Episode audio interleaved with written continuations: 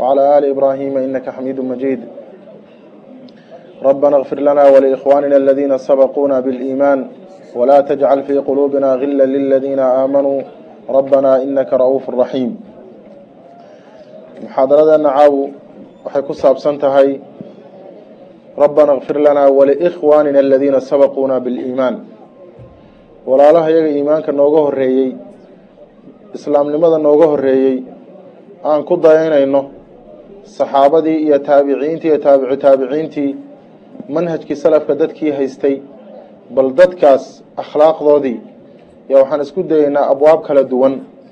Ilaa afar iyo labaatan baab oo kala duwan baa mid walba aqwaashooda inaan isu sheegno insha allahu tacaala. Muxaadarada mawduuceeda waxaa weeye ayna naxnu min akhlaaqi salaf? Cinwaankaas naftiisa waxaa le nin sheekho kitaab ka alifay marka insha allahu tacaala qofkii u baahan mawduucan iyo maraajicdiisa inuu sii raadsado waxaan u tilmaami lahaa kitaabka lahaa siyar aclaami nubala lidahabi oo runtii kitaab aada cajiib u ah. Kitaabkan hadda ayna naxnu min akhlaaqi salaf oo nin la yihahdo bahaa-udiin uu leeyahay iyo kitaab kaloo la yhahdo safatu safwa. Saddexdaa kitaaba taqriiban yaan is leeyahay nurxurka ama maraajicda loola noqon karaa mawduucan yaa ugu muhiimsan arrimahan ka hadli doono waa aqwaalu salaf. Dadkii salafka ahaa waxa ay dhaheen aayadna ma aha in badan xadiidna ma aha. Walihaada aqwaashan oo kale marka la soo naqlinayo wacdi ahaan iyo waana loo qaadanayo inay sida axaadiidta oo kale asaxdo shardi ma aha. Waxaa muhima inay dadka lagu kalsoon yahay iyo kutubta lagu kalsoon yahay ay dadkaa taariikhdooda ka sheegeen ereygaa inay dhaheen. Laakiin qaanuunkii xadiidka loo adeegsan jiray oo sanadkaasi boqol kiiba boqol inuu saxiix yahay ah umuurahani ka mid ma aha. Insha allahu tacaala waxaan rajaynaynaa inay inta badan ka wada asixeen dadka laga sheegay laakiin asalku waxaa weeye sida axaadiidta loo shardiyo inaan loo shardinin ayna naxnu min akhlaaqi salaf? Inagu xaggeen kaga sugannahay innaga iyo dadkii salafka ahaa farqiga inoo dhexeeya ee akhlaaqdii muxuu yahay? Iyagu say u noolaayeen say u dhaqmi jireen inagu siaan u dhaqmaynaa salaf markaan leenahay waxaan ula jeednaa ereygaa markii la tarjamo soomaaliya wuxuu ku noqonayaa dadkii horeeyey salafku salaf zamani xagga zamankaana waa jiraa. Salaf oo manhajka iyo jidka lagu socdaana waa jiraa. Salafka zamanka ih waxaa weeye saddexdii boqol ee sano islaamka ugu horreysay alquruun almufadala saddexdaa boqol ee uu nabigu u duceeyey sala allahu calayhi wasalam ama uu sheegayba inay yihiin khayru lquruuni qarnii uma aladiina yaluunahum uma aladiina yaluunahum saddex boqol oo sano oo islaamka ugu horreysay. Zamankaa saddexda boqol ee sano ah zamanu salaf baa la yidhahdaa waa zamankii khayrka badnaa. Salaf oo macno kalelaa jira oo ah manhajka ama wadadii nebi maxamed sala allahu calay wasalam dadka ku socda. Dadkaasi iyagu zaman gaara ma leh. Maantadan dad salafaa jira boqol sano ka hor salaf baa jiray shan boqol oo sano ka hor ilaa nabigii dadkii haysta manhajkii nabiga sala allahu calayh wasalam iyo saxaabadiis ay ku toosnaayeen.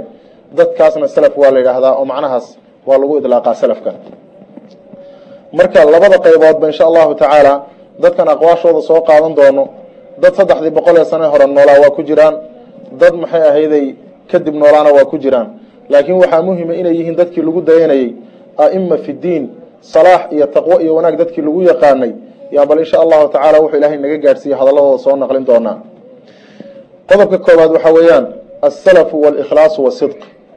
Dadkii hore ee salafka ahaa ikhlaaska ilaahay keligoo diinta loo khaalis yeelo sidqi iyo run oo la sheego maxay xagee ka taagnaayeen maxay kaga sifaysnaayeen arrinta iyada waxaan ogsoonnahay ilaahay aayad qur'aan inuu ku yidhi wamaa umiruu ila liyacbudu llaha mukhlisiina lahu diina xunafaa. Dadka lama amrin buuhi ilaahay inay ilaahay keligiis caabudaan ma ahaane. Mukhlisiina lahu diina iyagoo diinta u khalisaya. Xunafaaa ka fog shirki iyo waxa la xidhiidha. Bal dadkii salafka ahaa aayadda iyagoo tadbiiqinaya ama fulinaya dhaqankoodu siduu ahaa aan fiirino.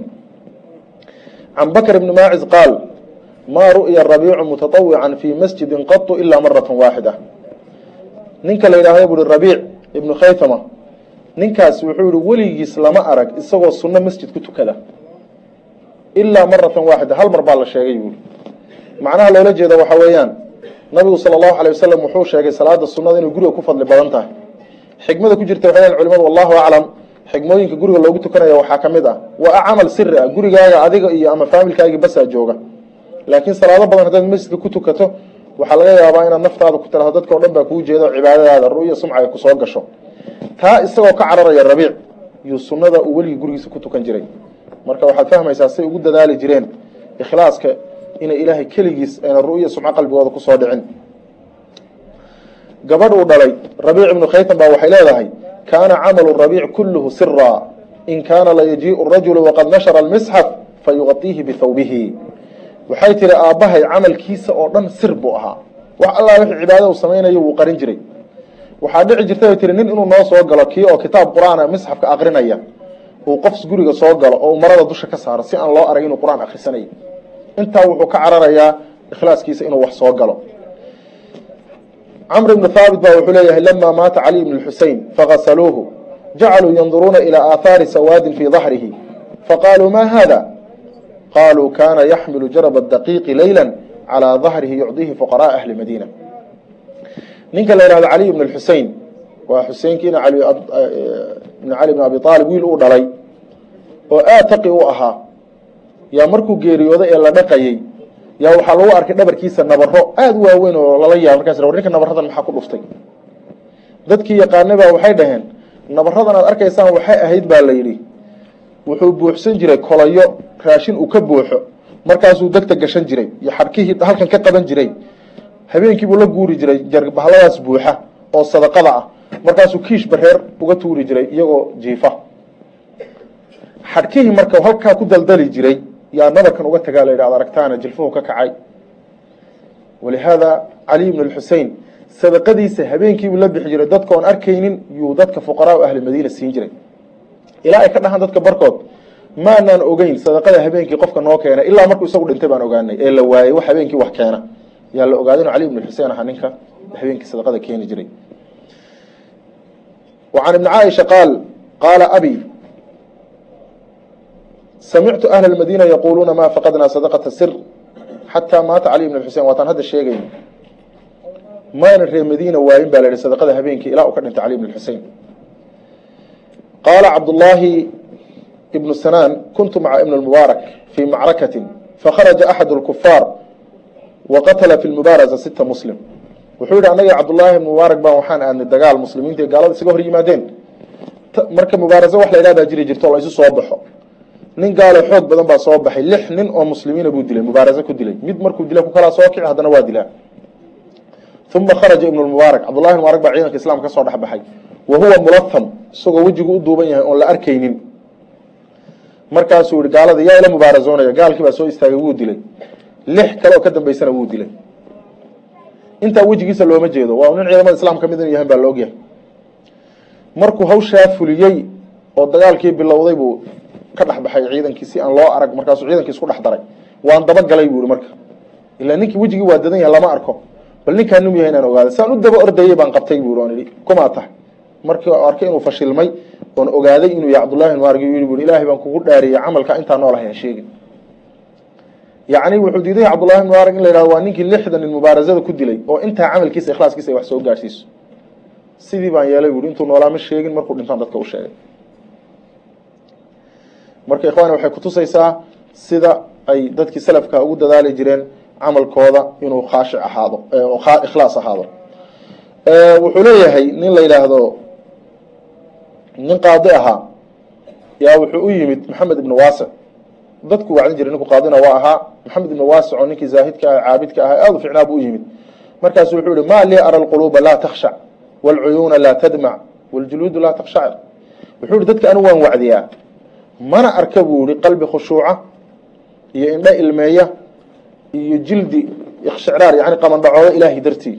Muxuu yahay sababka dadweynuhu marka aan u muxaadareeyo ama aan u khudbeeyen waxba u bedeleen meeshuu ka filayay inuu yahdo dadki waa isbedeleen oo waa xumaadeen.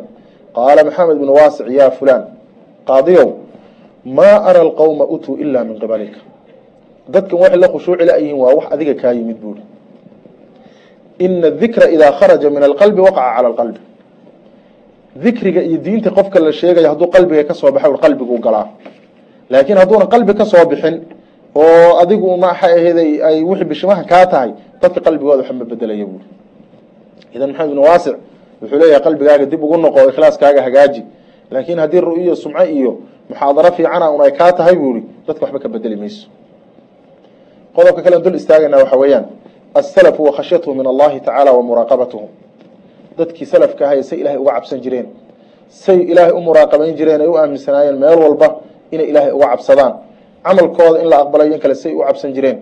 Ilahay muminiinta sideedaba waa ka sheekeeyey. Inama almu'minuuna aladiina idaa dukira allahu wajilat quluubuhum waidaa tuliyat calayhim aayaatuhu zaadathum iimaana wacalaa rabbihim yatawakaluun mu'miniintu waa dad dikriga ilaahay haddii la sheego qalbigooda uu gulgisho uu khushuuco. Aayaadka ilahay haddii lagu aqriyana iimaan bay u ziyaadaysaa ilaahay bay tala saartaan camalkooday ku mashquulsan yihiin bal haddi salafkii waxay ka dheheen aan fiirino. Yaquulu abu cubayda dad mucaskar muslimiin ay deganaayeen oo qeyb ka mid ahaa oo isagu la socda dad badan oo deganaa yuu habeennimo ku dhawaaqay. Markaasu wuxuu ku yihi alaa ruba mubayidin lihiyaabihi mudanisin lidiinihi alla badanaa buu ihi dad inagu jira oo maryahooda aada u caddeeyay oo aada u dhaqay diintiisuna ay wasakhaysan tahay. Alaa ruba mukrimin linafsihi wahuwa laha muhiin alla badanaa buu ihi nin moodayo inuu naftiisa karaameeyey oo adduunye iyo jago iyo madaxtinimo iyo taqdiir iyo sharaf uu ku wanaajiyey. Wahuwa laha muhiin iyadana ihaanaystay oo aakhiro jaaha adduunka uu ka raadiya naar inuu ku galo laga yaabo. Baadiruu asayi'aati alqadiimaat bilxasanaati alxadiidaat war waxaad ku degdegtaan buu yihi dembigiinii hore ee tegey waxaad ka dabageysaan xasanaad fiican oo cusub si ay idinka tirtirto. Marka selafku camalka ay samaynayaan bay xataa islahaayeen tolow ma la aqbalay. War tolow see yahay xaalkaagu aada bay muraaqabadooda u badnaan jirtay. Abu hurayra saxaabiyu ljaliil cabdiraxmaan ibnu sakhr lamaa xadarat ilwafaah markii geeridii ku timid baka wuu ooyey. Faqiila lahu maa yubkiika? Qaala wuxuu yidhi bucdu lmufaaraqa wa qilat zaad wa caqabat ka-uud almuhbitu minha ila aljanna aw innaar ikhwaani buui waxaan la ooyayo waxa weeyaan meesha aan u socdo aada u fog. Zaadka aan wato oo yar dhibaatooyin badan oo hor yaalla oonan garanaynin ma naar baan gelayaa mise janno? Waa abu hurayra cabdiraxmaan ibnu sakhr ninkaad garanaysaan? Ninka sidaa aakhiru laxda u ooyaya. Ibnu siriin yaa wuxuu leeyahay inii la acrifu danba aladii xamila bihi cala dayni ma huwa. Wuxuu leeyahay waan garanayaa deymo badan baa iskor fuulay. Ninka ibnu siriin deyn badan buu galay wuxuu yihi deyntan badan een galay sababkii keenay ani waan garanayaa buui qultu lirajulin mundu arbaciina sana afartan sano muddo laga joogo yaa nin waxaan ku idhi yaa muflis wariyaa kaagan mufliskee xooluhu ka dhammaadeen nin baan ku idhi afartan sano ka hor. Faxadadtu bihi aba sulaymaan adarini marka ibnu siriin nin baa ka soo warinaya warka. Wuxuu yihi ibnu siriin baan u tegayo aan la joogayo. Markaasuu wuxuu yihi deyn baa nin yahu aan galay deynta waxa igeliyeyna waan garanayaayo.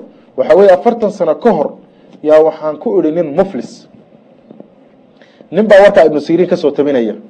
Wuxuu u tabinhayaa abaa sulaymaan darani nin la yidhaah.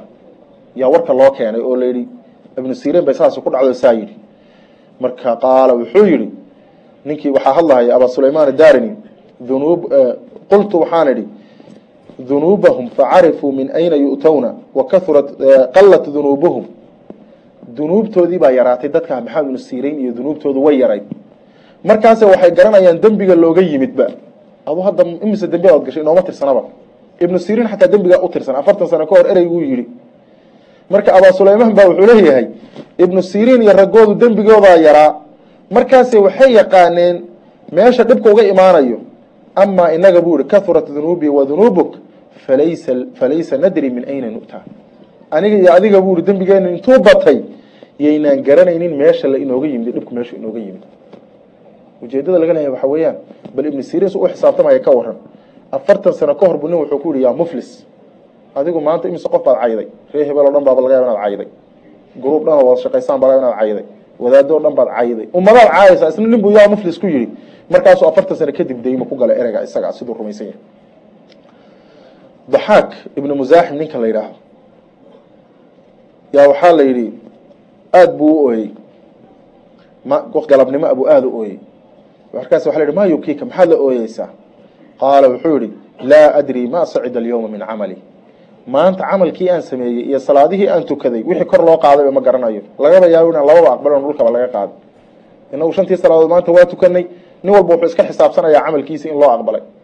Salafkiina iyo shantii salaadood jamaacada ku tukaday yuu ka ooyayaa le tolo maanta camalkayga waxma la aqbalay nin la yihahdo bakr ibn cabdillaah yaa wuxuu ka hadlayaa qofku siduu dadka ula dhaqmo.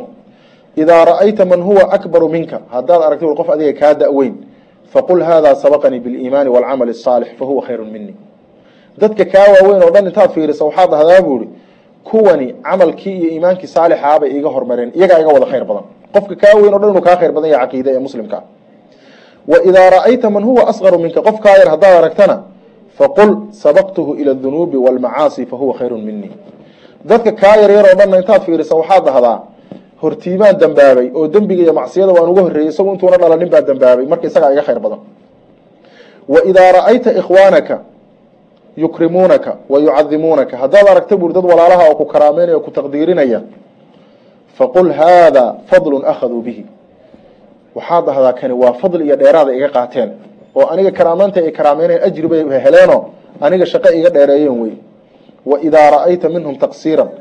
Haddaad aragto dadku wax xun ay samaynayaan oo kaa gaabinayaanna faqul haadaa danbun axdadtuhu dadkii haddaad aragta buui iyagoon ku karaameyneynin ee muqasiriin kuga oon ku taqdiirinaynin hadhihin maxay ii karaameyn laayihin waxaad dhahdaa dadku inay ikaraameeyaan waxaa diiday dembi aan sameeyey. Ma u jeedaa ikhwaani dadkani marka laga sheekeynaya saxaabadii iyo taabiciyiintii aan leenahay siday arrimahani ku dhaceen de siday u dhaqmayaan fiiri sidan ugu kala duwannahay ikhwaani cabdullaahi ibnu mubaarak rajul saalixa buu ahaa ninkan. Yaa habeen nin baa cabdullahi mubaarak nin aada cajiib u ahaa marka nin baa wuxuu arkay mar iyadoo cabdullahi ibn mubaarak cabdullahi mubaarak lagu hayo arkay. Markaasa ayuu bal ninkan muddo la safar oo la soco. Bal aad aragtid wuxuu ku caanbaxay.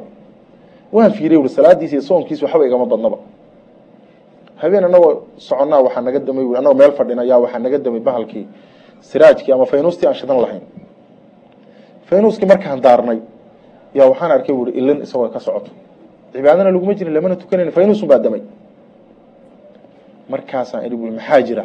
Markaasuu ui faynuusku markuu damay ee madowgan aan arkay yaa waxaan xasuustay qabriga. Yaaba u joogayba meesha. Salaadna laguma jirin soonna laguma jirin waa la fadhiyey intii yareedo faynuusku damay ee madoobaybu qabri xasuustay madoobaaday markaasaan idhi bui cabdullaahi numaaragow maantaan ogaaday. Waxa aada nooga tagtay eed wax nagu dheer tahay. Waxa weeyaan qalbigaaga iyo muraaqabadaada maca allaahi qabriga iyo aakhire aad ka fakerayso taa weye marka taan lagugu gaadhayn. Axmed ibnu xambal yaa subax loo yimid markaasaa la yihi kayfa asbaxta? Saaka xalay saaka muxuu waagu kuugu baryey qaala wuxuu yihi kayfa asbaxa man rabbuhu yuطaalibuhu biadaa'i alfaraa'id wa nabiyuhu yuطaalibuhu biadaa'i sunna buu ku waabariisan buu yihi qof uu ilaahay ka rabo inuu faraa'idkiisii uu dhammaystiro oo salaadihiisii iyo waajibaadka o dhan uu sameeyo. Nabi maxamedna sala allahu alay slam uu ka dalbayo inuu sunnadiisi si ahayd uu raaco. Waalmalakaani yadlubaanihi bitasxiixi alcamal. Labadii malag ee la socotayna ay ka dalbayso camal saxa inuu sameeyo. Wa nafsuhu tudaalibuhu bihawaaha naftiisuna ay ka dalbayso inuu hawadeeda israaciyo oo shahwaad uu sameeyo. Wa ibliisu yudaalibuhu bilfaxshaa ibliisna uu ka dalbahayo shaydaan inuu faxashaa iyo zina iyo balaayo ku dhaco. Wa malaku lmowti yuraaqibu qabda ruuxihi. Malakumowtna uu halkan u soo jiro uu rabo nafta inuu ka qaado. Wa ciyaaluhu yudaalibuunahu binafaqa caruurtiisuna ay ka dalbayso inuu u soo shaqeeyo. Bal ilahi baan kugu dhaari waagu inta shay isugu kaa timid fiiri. Imtixaan baan ku jirnaa galaas baan ku jirnaa waa layna imtixaanaya intaas oo jihada qolo walba fayl wadataa. Adiga abana lagugu soo wada maqan yahay marka wuxuu yihi xaalka iyagu xaal sahlan ma aha haddaad iweydiisay xabkan ku waa berisanay. Wa karaahiyatun lishuhra qodobka saddexaad. Salafku jagada iyo caanbaxa ama magaca iyo muuqaalka istaarnimada xidiga waxyaabahan dadka aada u cajabgeliyay inuu qof caana noqdo. Arrintaa maxay u arki jireen salafku ridwaan ullaahi calayhim ibnu mascuud saxaabiga la ayaa maalin soo baxay. Faatbacahu naasun dad badan baa soo raacay. Faqaala lahum wuxuu ku yihi alakum xaaja?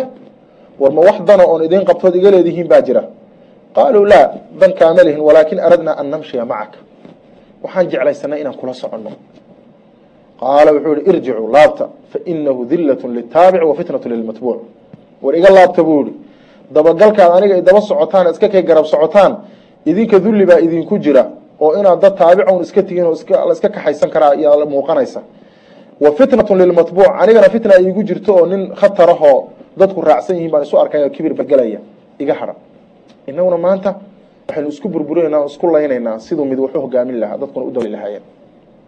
Inagii cabdullahi bn mascuudin isku meel marnaa waa adagta.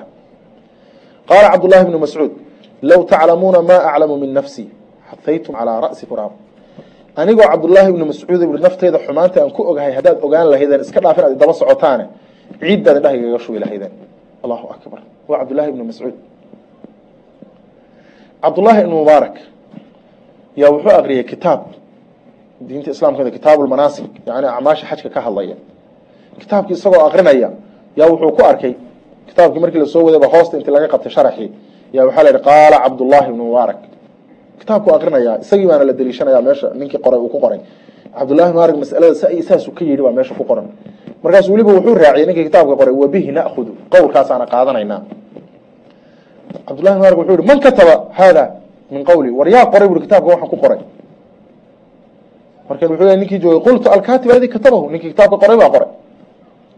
Falam yazil yaxukuhu biyadihi xataa darasa. Intuu qaaday buu gacantiisa kaga xoqay ilaa uu meesha ka tirtiray. Uma qaala wuxuu yihi waman ana xataa tuktab qawli? Anigu yaan ahay buuri darajada aan leeyahay ee qowlkayga meesha loogu qoraya maxay tahay? Inaguna maanta haddaad heli laydba muxaadaradaada wax kuu berinta gareeyo adaab la wareegi waryaa kitaabka ii dabciya nin baa wuxuu u yimid ninka la yidhaahdo fudaala ibnu cubayda. Markaasuu yihi awsini walaalo ii dardaara. Qaala wuxuu yihi khisaalun yanfacuka allahu bihina in istaطacta waxaan kuu dardaarmayaa khislooyin ama noocyo ilaahay uu kugu anfaco. Waxaa kow ka abuuray in istaacta in istaطacta haddaad awooddo buuhi an tacrifa walaa tucraf fafcal haddaad awooddo adigu dadka inaad sharaftooda garato ood adigu dadka qadariso dadkuna aynan ku garanin. Samee sidaas. Macnaheedu waxa weeye adigu liader ha iska dhigin dadka ibartay aad leedahay adigu dadka wanaagooda baro adna isqari. Horta taas waa mida qaada buuri wain istaطacta an tasmaca walaa tukalim fafcal. Haddaad awooddo warka inaad dhegaysato laakiin aadan hadlin iyadana samee. Walihadaba culimadu waxay dhaheen waxa afkana hal carab looga dhigay dhegahana laba looga dhigay. Waxa weeyaan inaan in badan wax dhegaysano in yarna hadallo. Dadkuna inagu waan cagsinay. Qofba hadduu hadalka bilaabo waad ka boobaysaa marka sidaa darteed wuxuu yihi war in badan wax dhegayso in yarna hadal. Wain istaطacta an tajlisa walaa yujlasa ilayka fafcal. Haddaad awooddo dadka inaad adigu u fadhiisato laakiin adiga aan laguu fadhiisanin yani adoo lagu qadarinayo aan adiga lagaa hooseynin samee iyadana maxamed ibn lmunkadir yaa wuxuu ka sheekeeyey abaar ka dhacday meesha la yidhaha madiina. Wuxuu yihi reer madiina abaar ku dhacday markaasay roobdoon sameeyeen markaasina wax rooba helin. Habeenkii dambe u anoo masjidka iska fadhiya salaadii cishaha markii la tukado kadib. Yaa nin waxaa soo galay ui rifrifan oo rafaadsan oo laba go midna qol qunta u saaray midna qabo oo aada isaga bahdelaysan salaad buu istaagay. Markaasuu yiri buu yihi salaad duca uu ducaynayaa buu yihi wuxuu yihi ilaahayow reer madiina roob doob bay ku weydiisteen mana aadan siinin aqsamtu calayka ilaahayow waan kugu dhaartay inaad reer madiina waraabiso wallaahi buu masjidkii inaanan ka bixin ilaa aan arkay buu yihi banaankii dhammaan oo biyo loo mari la'ya ninkii marka waan dabagalay buu yihi habeenkii meesha isaga labada wada joogna maanan wada hadlin subaxii markuu salaad subax ka baxay baan dabagalay buu yihi ilaaha uu gurigiisa ka tegey gurigiisi waan soo arkay waan soo laabtay habeenkii dambe haddana waktigii soo galay oo uu tukaday meeshii lamaana hadlin subaxii markuu baxay oo gurigiisi tagaan ka daba tegey markaasaan ugu tegey gurigii waaba dadkan wuxuu yihi kabaha sameeyaba ninku oo kabuu meesha ku tolaaba. Markaan u soo galay bu ahla wasahlan minaan kaba kuu tolaad rabtaa markaasaan igu yihi soo ninkii ma tihid xalay masjidka aan ku arkayay ee ducadaa ilaahay ku baryayey intuu booday maxaad sheegaysaa? Intuu inkiray.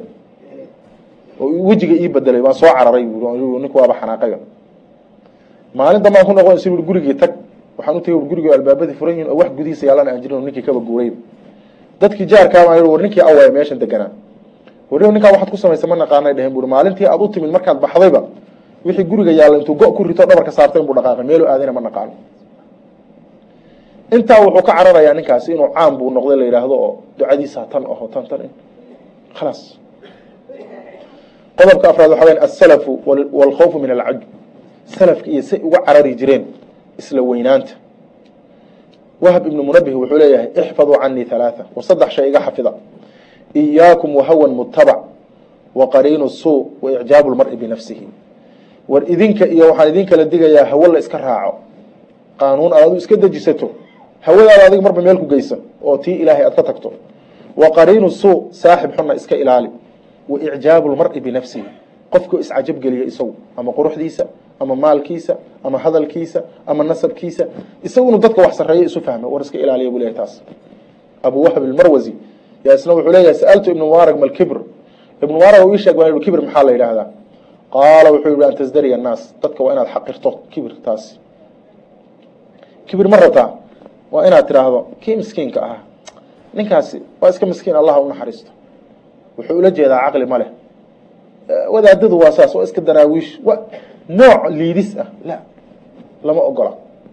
Fasa'altu can alcujbi cujbi marka muxuu yahay baan ui qofku iscajab geliya qaala wuxuu yihi an taraa ana cindaka shaya laysa cinda gayrika waa inaad isu aragto adigu inaad leedahay sifa ayna dadka kale lahayn. Markaasuu wuxuu raaciyey laa aclamu fi lmusaliina shaya sharu min alcajab dadka weliba salaada tukada buu ihi dhib ka weyn oon ogahay ma haysto isla weynaanta.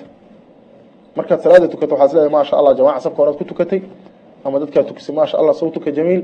Dhibka uba badan buu le ahlu haystaa waa cujbigaasuu lehay ibnu mubaarag qodobka shanaad waxaa weeye asalafu wazuhdu fi dunya. Salafka iyo say adduunyada uga dheeraan jireen. Ikhwaani caalamu dunya baan joognaa. Gaar ahaan waddankan qofka joogaayo maraykanka waa subxaana allah beled dunya wa shaydaan. Marka bal aan salafka wax ka maqalla waxay ahaan jireen. Cumar bin khaaab radi allahu canhu yaa wuxuu u yimid abu cubayda camr bin jaraax markaasay guriga abu cubayde isu raaceen. Cumar wuxuu rabaa inuu fiiriyo bal abu cubayde waxa iska bedelay bacda nabiy sala allahu alayh wasalam markay guriga soo galeen guriga abu cubayda falam yara fii beytihi ilaa sayfa wa tursa wa rixla. Wuxuu ka waayay gurigii ilaa seef hal seef baa u taalla otu ku dagaalamo ah. Tursi tii seefta la isaga dhigi jiray. Rixla waxaa weeye wax faraska la saara heensaha la saara ee dusha laga fuulo. Faqaala lahu cumar cumar baa wuxuu ku yihi low takhadta mataacan. War gurigan maxaad wuxuu u dhigan weyday. Aw qaala shay-an min hada wax lamida. War gurigan maxuu yahay waxba oolin. Markaasuu yihi ya amiira almu'miniin ina hada sayubalighna albaqiin kani wuuna gaadhsiinayaa inta aanu adduunka joogno. Intana waan isaga sii moodaya meesha aan u soconay aakhira waan ku gaadhaya maxaad ka rabtaa? Abu darda isagana nafsi hada qisa laga sheegay. Inay gurigiisa dad yimaadeen oo la yihi guriga aw alaaba ma taalle. Markaasu wuxuu yihi guri waxaa jira kale oon alaabta fiican geyno.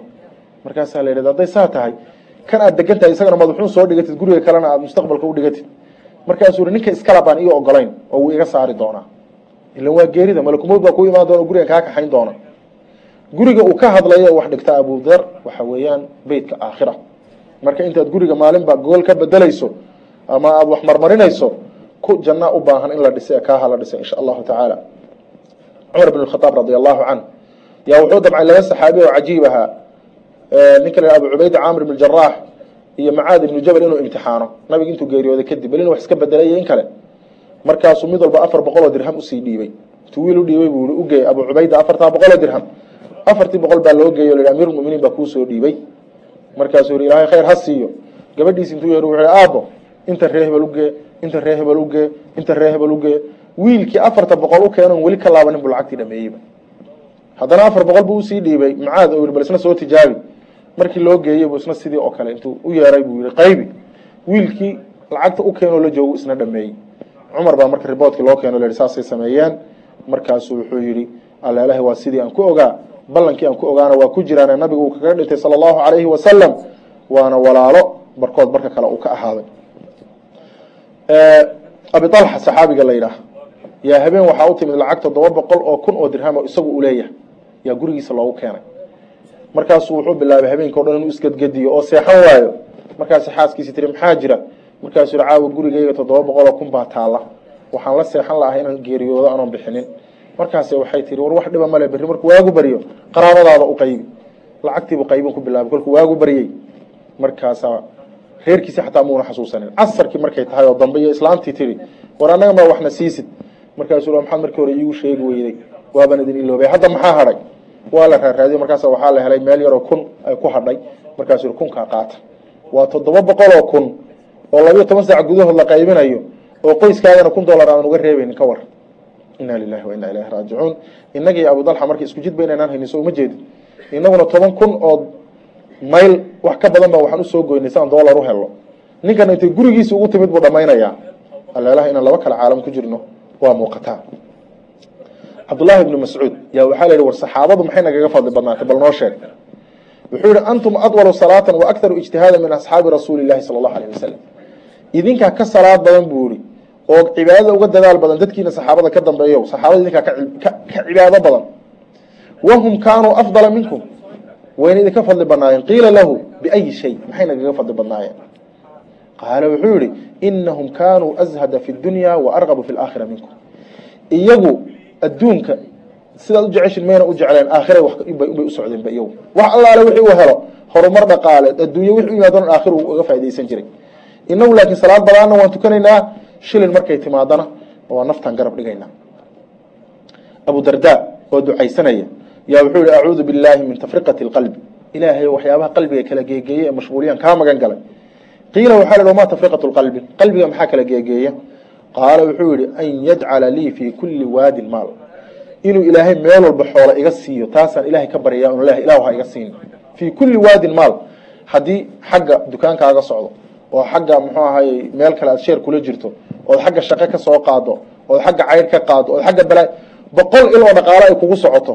Taasuu wuxuu leeyahay waa tafriqat lquluub somaaliana dadka hadda boqolka len lacagtu kaga socoto intentionkiisaa taagan ma joogo muxaadaro ma dhegaysan karo salaad jamaaca kuma tukan karo. Waa tafriqat lqalbi taasuu ilahay ka magan galaya muslim ibnu sacd yaa wuxuu diray nin uu wiil yarow abti u yahay wuxuu hi madiine tag. Kun toban kun oo dirham intuu u soo dhiibay wuxuu ihi qoyska ugu faqiirsan ee magaalada madiine degan xajka sii qaado ugee madiine markuu yimid bu war lacag toban kun aan wadaa. Qoyska ugu faqiirsan ee reer madiine inaan soo siyaana shardi layga dhigay qoyska hala tuso waa la kaxeeyey qoyskii dadku islam waa ugu faqiirsan yihiin baa la keenay. Oo la yihi qoyskan ugu faqiirsan. Markii islaantii carruurtii la yidhi ugu faqiirsan hooya lacagta waxay dhaheen qoyskan jaarka nagaa naga faqiirsan. Qoyskii baa lacagtii loo geeyey. Qoyskii waxay dhaheen annaga iyo soo dhaafteen waan simanahay laba noogu qaybiya ikhwaani bal ka warraba dadkan sidayna lacagtu qiimo ula lahayn qodobka lixaad waxaa weeye asalafu wazuhdu fi ri'aasa dadkii fiicnaa salafkaha iyo madaxtinimada say uga carari jireen. Waxaan soo sheegnay shuhra. Shuhradu waxa qofku inuu caan baxa inuu madax yaha shardi maaha. Tan waxaa weeye madaxtinimo mas'uuliyad la qabto. Walow communityna madaxa laga noqdee. Sufyaan. Yaa wuxuu leeyahay qaala alaxnaf qaala lana cumar bin lkhadaab cumar bin lkhadaab baa ere cajiiba nagu yihi buuri. Tafaqahuu qabla an tasuuduu war intaydaan madax noqonin fiqhi yeesha oo diinta barta culimadu waxay dhaheen ereyga macnaha ku jira waxaa weye qof fiqhi yeeshay oo diin barta madaxtinimo ku ordi maayo. Bal hadda fiiri soomaaliya wax isku laynaya madaxtinimo weli laba sheekh ma aragtay oo dawladda isku laynaya. Tafaqahu waxbay barteen. Walihada waxay ogyihiin inayna jaga wax lagu ordo ahayn. Yaa isku laynaya. Aljuhalaa kuwa aan garanaynin dhibka ka ratimayo. Nin baa la iga sheegaya soomaaliya kuwan warlooriska mid saaxiibkii oo show ay tartami jireen madaxtinimada yaa geeriyooday. Oo markaa show madaxweynenimo meel looga doortay isagoo madaxweynenimadii ah buu geeriyooday. Markaasuu kani qabrigiisi utagay taczi markaasuu yihi hebelo waad geeriyooto waa tagtay. Lakin waad iga nasiib badan tahay. Adoo madaxweyne aad geeriyootay. Wuxuu u arkaaba inuu wax dheer yahay. Ina lilahi wa ilahi raajicuun. Sufyaan wuxuu leeyahay liana arajula ida ida faqiha lam yatlub su'dada cumar muxuu uleeyahay bui tafaqahu qabla an tasuuduu. Liannahu wuxuu yihi qofku hadduu fiqi iyo cilmi yeesho maba dalbaba jago iyo madaxtinimo camr bin alcaas saxaabiga la yidhaah yaa nabigu dagaal u diray. Markuu dagaalkii aaday isagii saxaabadii uu madaxda ka ahaa iyuu u baahday gurmad. Markaasa waxaa laga soo daba diray muxuu ahaye abu cubayda ciidan u wato oo cumar iyo abubakarna ku jiraan. Markay u yimaadeen yu camar bin alcaas wuxuu yihi de anigii baa madaxa idinkuna gurmad la iisoo diraad haydaan igu soo daba fayla. Raggii gurmadkuna waxay dhaheen de anagu maye waxaanu ahayn ciidan gaar aho madaxweynahoodii wata. Abu cubayda markuu arkay sallama alimaara licumar camr camr bin alcaas yuu yihi walaalow labadaba adugu qabo. Bal ka warra labada hadda maanta mulanaysa laba isteed oo soomaaliya labana madaxka inta u yimaadeen udhi walaalo hawsha inoo qabo. Leanna kuwani macnahay ku fadhiday garanayaan madaxtinimadu. Cabdiraxmaan ibnu cawf yaa markii muxuu ahaayey uu majlisu shura cumar madaxda uga dhigay ee yihi ummadda lix nin oo adigu ka mid tahay madaxweynaha looga soo dooro. Iyo cabdiraxmaan ibnu cawf isagu yihi lixdii nin anigu isuma rashaxayo madaxtinimada laakiin kiinii israshaxa aan aan la habayno oon doorashada anu u sameeyo laakiin anu madaxtinimada banaankan ka ah. Isagoo dadka dhex wareegaya oo war maxaa idinla quman? Cumar cali iyo cuhmaan midkee dooranaysaan labadaa nin baa rashaxane. Yuu nin wuxuu ku yidhi adaanu ku rabnaayo adigu israshax. Markaasu wuxuu yihi wallaahi lian ta'khuda mudya mindi inaad qaadaan fatuubaca fii xalaqi halkaa dhuunta aad iga saartaan uma tunfada biha ila aljanib alaakhar halkaa intaad kaga bilowdaan dhuunta halka kale mindi laigu gooyo laigu kala gooyo. Yaa axabu ilaya min dalika yaan anugu ka jeclahay buui madaxtinimada. Kurkaba inaad igoysaan baa ii dhaanta buui sufyaan athawri baa wuxuu leeyahay maa ra'aytu zuhda fi shayin aqala minhu fi ri'aasa tara arajula yazhadu fi lmadcami walmashrabi walmaali walthiyaabi fain nuuzica ari'aasa xaama calayha wacaada wuxuu yidhi maanan arag ri'aasada oo laga fogaado dhib ka badan. Yani ujeedadu kale waxa weyaan dadku wax walba way ka zaahidaan buuri. Laga yaabo ninku inuu cunto kuu daayo inuu dhar kuu daayo wax la cabo inuu kuu daayo. Laakiin haddii mas'aladu madaxtinimo timaada buuri qof ka zaahida waan waayay buuri waa lagu wada dhimanaya walihaada hadda fiiri nimanka mujrimiinta caalamka ka taliya waxaa laga yaaba ninki madaxtinimo kula tartamo inay siiyaan malaayiin dollar oy dhahaan bas kursigan iska daa. Laakiin kursiga markay gaadho kurkaa laga goynaya qofka. Marka kursiga wuxuu waa musiibada ugu daran in la dayn karin qodobka toddobaad waxaa weeye asalafu walfiqu fi ddiin dadkii salafka ahaa iyo fiqhiga diinta. Balsay ku ahaayeen ya ikhwaani musiibada ummadda islamka maanta haysataa waa alfiqu fi ddiin nabiguna wuxuu lehy sala allahu alayhi wasalam xadiid saxiixa man yurid illaahu bihi khayran yufaqihu fi ddiin qofku ilaahay khayr la rabo diintuu fahansiiyaa camr bn alcaas yaa wuxuu leeyahy laysa alcaaqilu man yacrifu alkhayra min ashar walaakin huwa aladii yacrifu khayra sharayn nin caalim lama dhihi karo buuri ama nin caqli badan lama dhihi karo qofkii khayrkii sharka kala garta. Hadda waxaan inay biyo yihiin oo haddii la cabo ay ku anfacayaan qof kasta waa garanaya waxaan hadduu dab yahayna inuu kugubaya waa la garanaya caqli uma baahna ilmaha yar baa kala garan idan inaad shar iyo khayr kala garato cilmi ma aha buuri laakiin cilmi iyo caqli maxaa weeye? Waa in laba shar oo isgarab yaalla ka dhibka yar aad garanayso. Laba shar hadday meesha isgarab yaallaan waa inaad kala dhihi karto kanaa dhib yar oo kanaa dara. Laba khayr hadday isgarab yaallaan inaad kala garan karto marka fiqigu waa kaas. Jacfar ibnu moxamed yaa wuxuu leeyahay iyaakum alkhusuumata fi ddiin fainaha tushkilu qalba wa tuuriu nifaaq. War waxaan idin kala digayaa idinka diinta oo laga doodo. Aslan soo ma ogidin fiqiga ka ma aha. Weli miyaad aragteen laba culimo waaweyn oo doodaya? Weli shariif cabdinuur iyo shee cumar faaruq oo meel fadhiyo is miyaad aragteen? Isla doodaya. Mana arki doontaan. Laakiin bal saa u yaro fiiri labadii dhalinyara is haysataba. Xadiid qaab maxaa jira? Waxa weeyaan mustawaa dhiman meeshan diinta sideedaba dood laguma fahma haddaad rabto qof inaad diin u sheegto oy dood gasho jooji. Intuu kaa aaminsan yahay qof sheekha oo wax u qofka diinta u sheeg. Hadalkaa tidhaahda uu kugu soo celiyo ama aad adna ku celiso diin way ka baxday waxay gashay dood jooji marka. Sidaa darteed iyo waxay ka digi jireen culimadu fiqiga ka mid maaha in diinta dood laga dhigo. Dood hadday noqotona wuxuu yidhi fainaha tushkilu lqalba qalbigay mashquulisaa wa tuuriu nifaaq qalbigana nifaaq wayba gelisaa cabdullaahi alcamri alcaabid yaa wuxuu waraaq u qoray ilaa imaamu malik imaamu malik nin caalima oo cilmi badan buu ahaa. Ninkana caabid cibaado badan buu ahaa. Ninkan marka caabidka ah yaa wuxuu rabaa imaamu malik yaxuduhu cala alinfiraadi walcamal wuxuu rabaa inu yhahdo warni duruusta iyo waxaad akrinayso unaad ku mashquulsan tahay. Yareeyo awo cibaadadii. Caawna salaad u taagnaatid soomanaatid samaysid maanta o dhan qur'aan aqridid maxay tahay buu yihi duruustani waxaanad ku mashquulsan tahay. Ninkan isaga fiqiga saasay la tahay laakiin weliba allaha fiiri qofka caalimka ihi iyo waa kala duwan yihiin qofka caabidka ah. Bal hadda jawaabta imaam maalik dhegeyso fakataba ilayhi maalik baa waraaq u qoray. Wuxuu yihi ina allaha qasama alacmaala kamaa qasama alarzaaqa. Ilaahay acmaasha aan samaynayna wuu qaybiyey oo uu inoo kala qadaray sida risqigaba uu inoogu kala duway. Faruba rajulin futixa lahu fi salah walam yuftax lahu fi soom nin waxaad arki bu ihi salaad badan oo qiyaamuleyl iyo wax mar walba sameeya. Laakiin aan soomka ku adag yahay aakhar futixa lahu fi sadaqa walam yuftax lahu fi soom nin waxaad arki ihi sadaqo badan oo mar walba sadaqa bixiya oo wax walba bixiya laakiin soomka ku adag yahay. Wa aakhar lahu futixa fi ljihaad nin waxaad arki cilmiga iyo barashadiisii ku adag yahay markii jihaad la sheega safka hore. Ah fanashru lcilmi marka hadalkiisibu hadda u soo noqday. Fanashru lcilmi min afdali acmaali lbiri cilmiga oo la fidiyey buu ihi waa acmaashata u fiican. Waqad radiitu bima futixa lii fiihi. Raalli baan ka ahay bui wuxuu ilaahay ii furay oo cilmiga inaan dadka baraa imaamu maalik wamaa adunnu maa ana fiihi biduuni maa anta fiihi waxa aan anigu ku jiro oo cilmiga barashadiisa ah iyo cibaadada aad ku jirto wax kala dhaca inay yihiinna ma aaminsani. Oo aduguna inaad khayr ku jirtaan aaminsanahay anigunan cilmi ku jiro. Ila ninkaas wuu liiday ma ogtahay. Oo wuxuu yihi cibaadadii baa kugu yaraatay.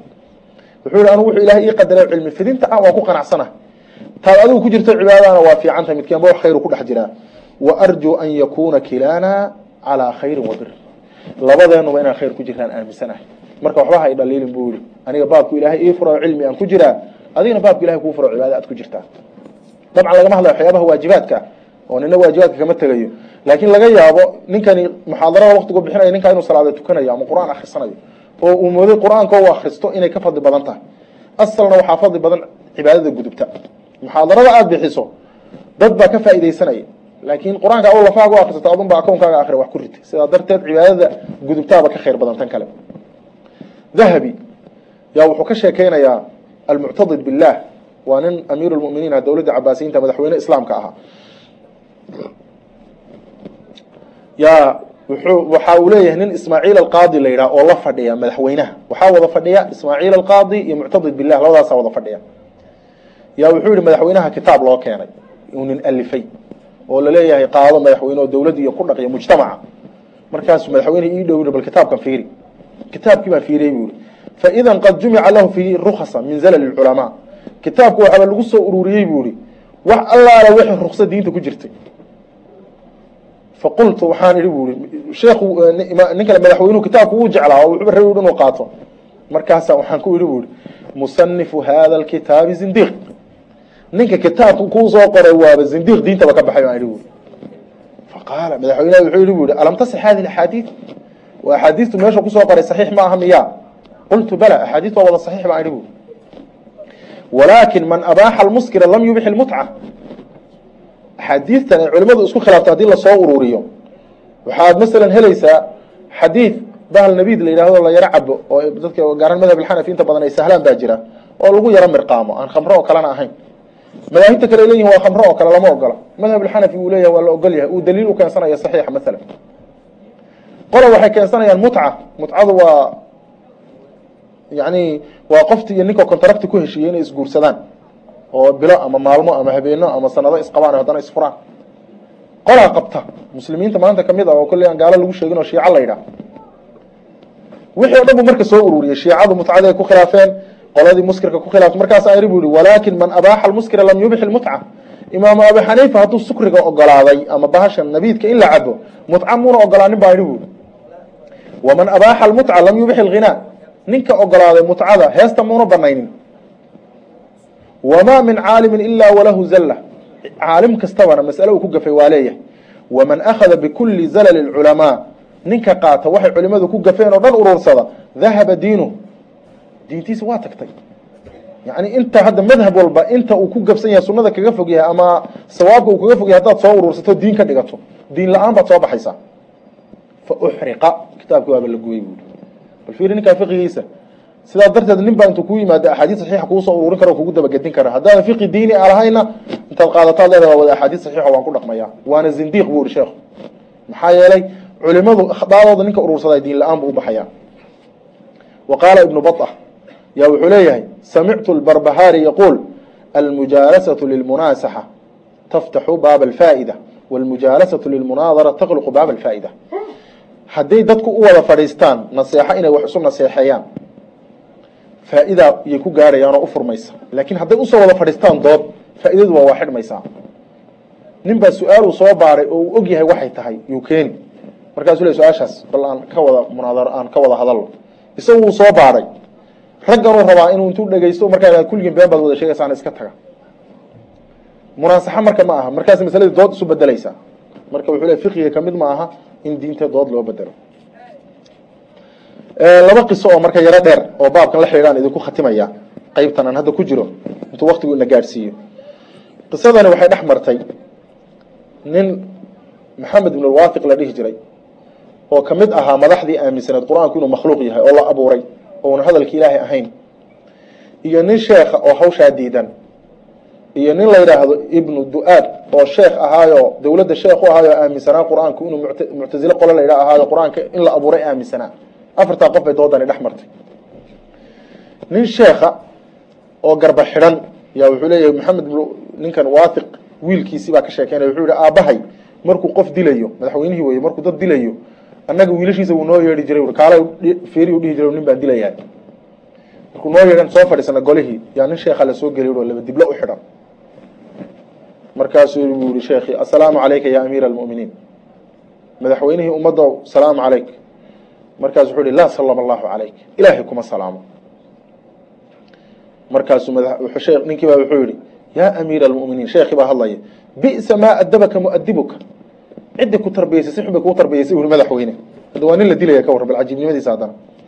Qaala allahu tacala ilahay wuxuu yihi waidaa xuyiitum bitaxiyatin faxayuu biaxsana minha aw ruduuha ilahay wuxuu leeyahy war haddii laydin salaamo salaamtii ka fiican ku radiya oo assalaamu calaykum haddii lagu yihahdo wacalaykum asalaam waraxmat ullahi wabarakaatu biaxsana minha waa saas.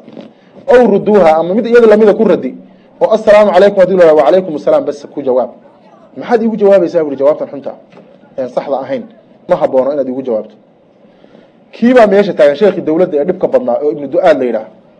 Yaa wuxuu yihi madaxweyne alrajulu mutakalim ninku buu yihi waan arkaa su u hadlayo oo cilmulkalaamku wax ka fahansan yaho waa nin lala doodi kara hadal ufur waxaa lagu qiimeynayaa aayad iyo xadiidka laguma qiimeynayo.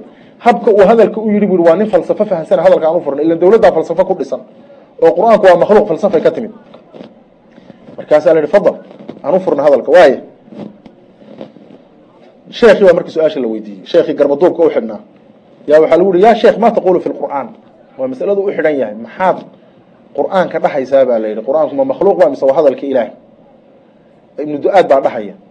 Kii madaxweyne kii dowladda kii sheekii dowladda. Sheekii intuuna u jawaabin bu wuxuu yihi lam yunsifnii waliya su'aal. Madaxweyne buu yihi ninku cadaalad muuna samaynina anigaa su'aasha la buri isagu ma leh. Su'aasha yuuna isagu igu wajihin ano aan ku wajaho. Maogtahay qofka markaad wada doodaysaan haddaad ka qaadato maxaa la yidhahdaa? Baadirada ama baadira maxaa la yidhahdaa? Soomaaliya haddaad kala wareegto zimaam umuurka yani isagii difaac aad geliso adugu weerarka qaadato waad ka raynaysaa wuxuu yihi sheekh su'aasha kama jawaabayo ee aniga su'aasha hala isiiyo waaya madaxweyne adaanku siiyey bu su'aasha qaado. Sal maxaad rabtaa marka inaad weydiiso? Kii sheekii dowladda waxaa lagu yihi su'aasha intuu ku soo jeediyey wuxuu yihi ma taqulu fi lqur'aan ibnu du-aadow maxaad adugu qur'aanka leedahay? Qaala makhluuq cadyaha mawqifkiisu qur'aanku waa hadal waa wax la abuuro sidan oo kale u dhimanayo oo baabi'i doono. Qaala sheekh ninkii garbaduubka uxidhnaaba wuxuu yihi hada shayun calimahu nabiyu sala allahu alayhi wasalam wa abu bakr waalkhulafaau raashiduun am shayun lam yaclamuuh. Qur'aanku inuu makhluuq yahay oo sidan oo kale wax la abuuro dhiman doono uu yahay. Nabigu ma ogaa abubakar ma ogaa cumar ma ogaa mise maynan ogeyn? Intaa iga jawaab. Qaala shayun lam yaclamuuh maynan ogeyn buuri fiir moogta khalqu lqur'aan waa gaalnimo cad ilaa waxaad ogaa waxaad cadaynaysaa wuxuuna cilmiguna nabigu ogeyn adigu keenta moogta wuxuu ku jawaabay ibnu du-aad nabiga iyo abubakar iyo cumar midna ma ogeyn cilmigaas annagaa ogaanay. Allahu akbar. Sheekii baa yihi subxaana allah ilaah baa nazahan shayun lam yaclamhu nabiyu sala allahu alayhi wasalam calimtahu anta? War shay-una nebi maxamed ogaanin miyaad adigu ogaatay. Fakhajal waa xishooday. Faqaala wuxu uhi aqilnii iga dhaaf waad iga heshay soomaalidu iga qaleeda halkan iga keenay moogta. Aqilnii wuxuu yihi waa waan gafay waa khaldamay. Ee iga dhaaf yani su'aashan waan ku khaldamay ka gudub. Sheekhu miyuu ka yeeli? Qaala almas'alatu bixaalihaa halkii baan taagnahay buuri ma kaama tegayo ma wax uuna nebi maxamed ogaanin baad ogaatay intaa iiga jawaab.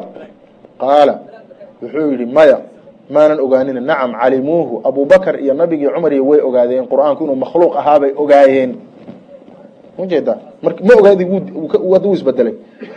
Way ogaadeen bu i nabigii way ogaadeen arrintan iyada. Ayib ma ogaadeen bu i ha calimuuhu walam yadcu nnaasa ilayhi. Hadday ogaadeen bui dadka miyay ugu yeedheen. Oo nebi maxamed mana yidhi war qur'aanku waa makhluuqeey dacwo ma hawshaa ma ugu istaagay walam yadcu nnaasa.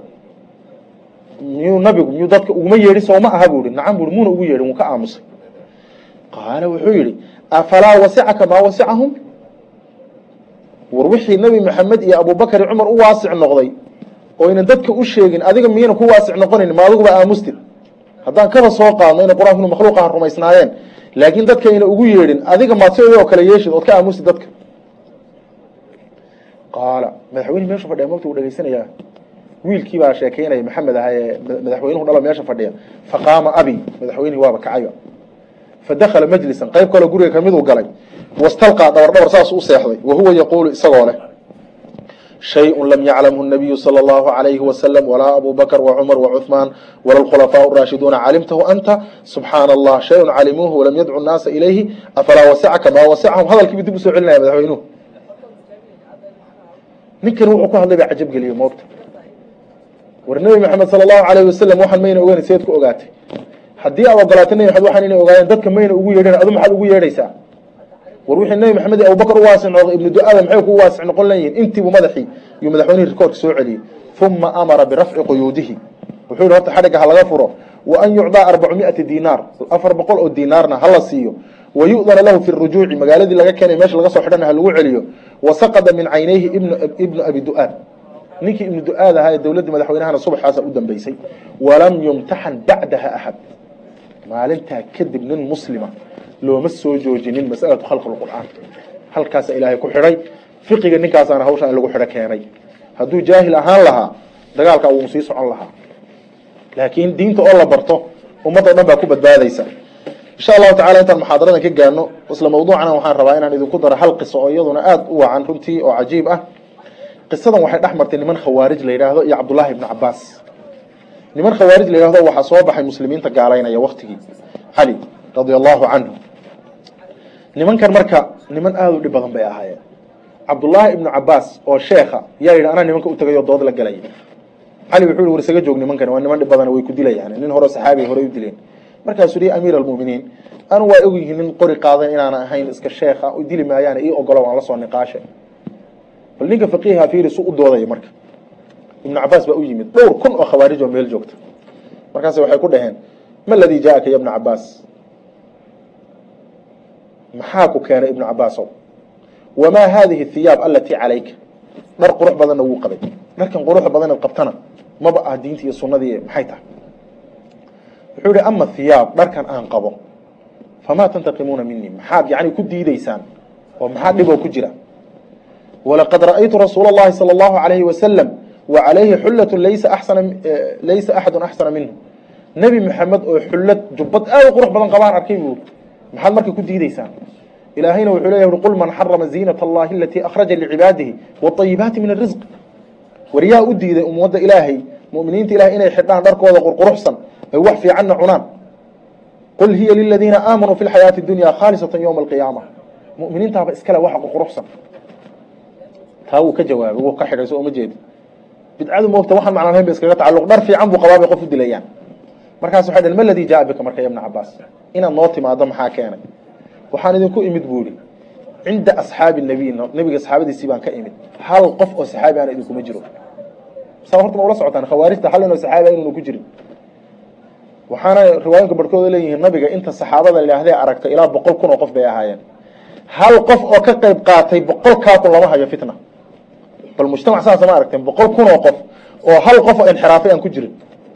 Marka horta ogaada bui wax saxaabi idinkuma jiro anu saxaabadii baan ka imid marka safiir baan ahay buui rabo inuu warka idin kala qaado oo idinkana wanaagiina iyo iyaga wanaagooda idin soo kala qaado. Way qaybsameen waxay dhn war hala doodina qur'aankaaba horey u yidhi nimanka quraysh la yidhaahdo bal hum qowmun khasimuuna. Waa qoom dood badan ninka waa qurayshi hala doodina dhehen kuwa kuwana waxay dhn war ninkani cabdullahi ibnu cabaas aan la doodna daaye saddex nin baa marka waxay dhahdeen waaya oan la doodaynaa ninkana daaye ibnu cabaas yaa markaa wuxuu leeyahay waxaan ihi maadaa tantaqimuuna calaa caliy bni abi aalib war caliy bni abi aalib ninkan ah maanta amiiru lmuminiina maxaad ku haysataan? Qaaluu nanqimu calayhi halaaثata umuur saddex shay baan ku haysanaa qaala haatu keena bu hi saddexda shay. Qaaluu waxay dhaheen alawalka hore waxaa weeye ana caliy bna abi aalib xakama arijaala fi kitaabi illahi yaquulu llahu tacaala in ilxukmu ila lilah caliy bna abi aalib yaa waxaa jirta mucaawiya markay isqabsadeen. Yaa waxaa la yidhi dad laba labadeena dhinac rag aan ka keenno kala xukumo mid keena saxi midkii qalada markaasuu isna nin soo diray mucaawiyana nin soo diray. Khawaarij waxay dhaheen seebaa laba nin wax noo kala xukumi kitaabka ilahay baa yaallo ilahay wuxuu hi in alxukmu ila lilah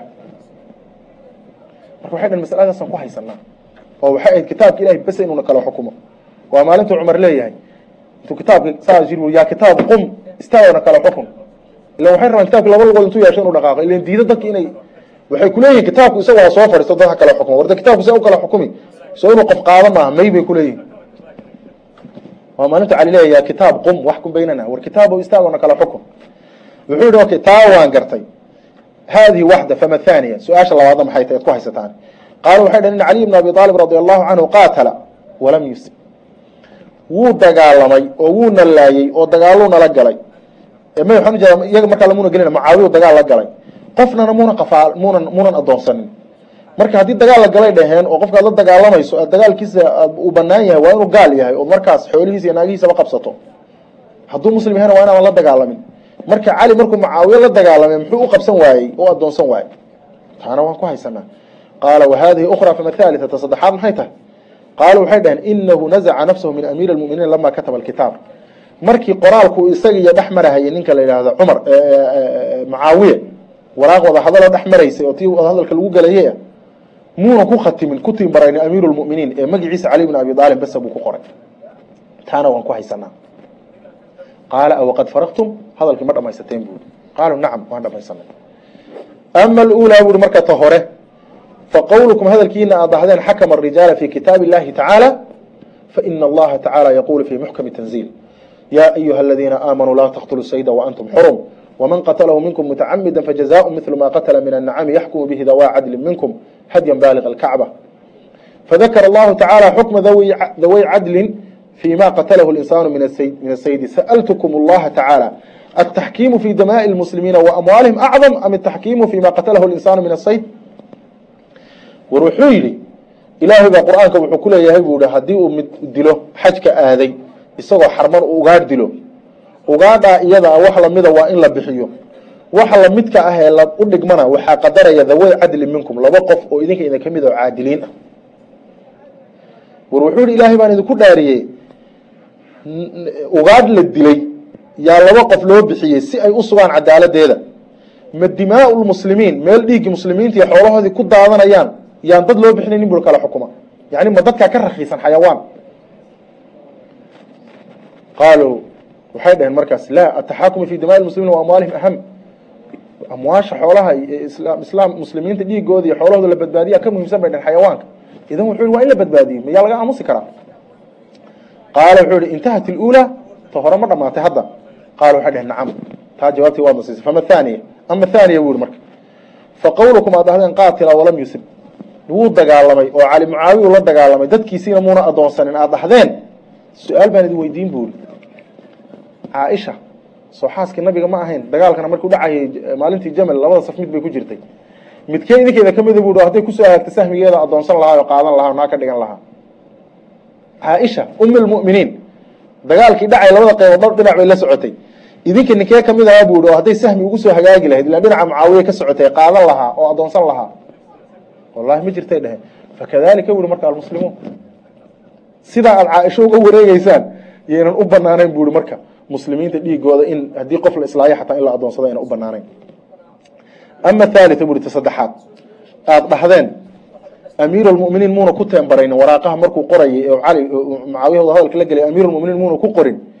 Wuxuu yihi faqad ra'aytu maalintii nabi maxamed sala allahu alay slam uu quraysh uu la galay wada hadalka meesha la yidhaahdo maxay ahayd meeshii cumrat lxudaybiya markii waraaqaha la kala qoranayay haadaa ma caahad nabi maxamed sala allahu alayh wasalam maxamedun rasuulullah markuu nabigu qoray. Ninka camr bin sahla gaalada ka socda wuxuu yihi anagu ma naqaano waxaad sheegayso rasuulullahi kuuma naqaano. Maxamed ibn cabdillaahi ku qor marka nebi maxamed baa magacii nabinimada ka goy waraaqdu ku qorayay. Ee ma cumar oo madaxweyneha madaxweynenimadu ka goy aad ku eedeynaysaa? Tiina banaankuu mariyey laba kun oo nin baa ku soo raacday sidaas dhowr kun oo kalena waa ka hadhay bal ilah baan idinku dhaari fiqiga intuu leegyahay ka warrama diinta qofku hadduu fiqi u yeesho uman buu badbaadinayaa. Laakiin haddii uunan u yeelanin maxay ahayde dhib badan buu kala kulmayaa. Mawduucu weli waa inoo socdaa salaadii waa la joogaa ban male. Nacam bal insha allah waxaan isku dayaynaa inaan haddaan dhamayn karno waa ilaa hadda nambarkii sideedaad baan joogaa waana ilaa afar iyo labaatan. Insha allahu haddii ay noo suurooda si mulsafsala inaan dhamaynaan jeclahay haddii ilah ilah allah subxaana wa tacaala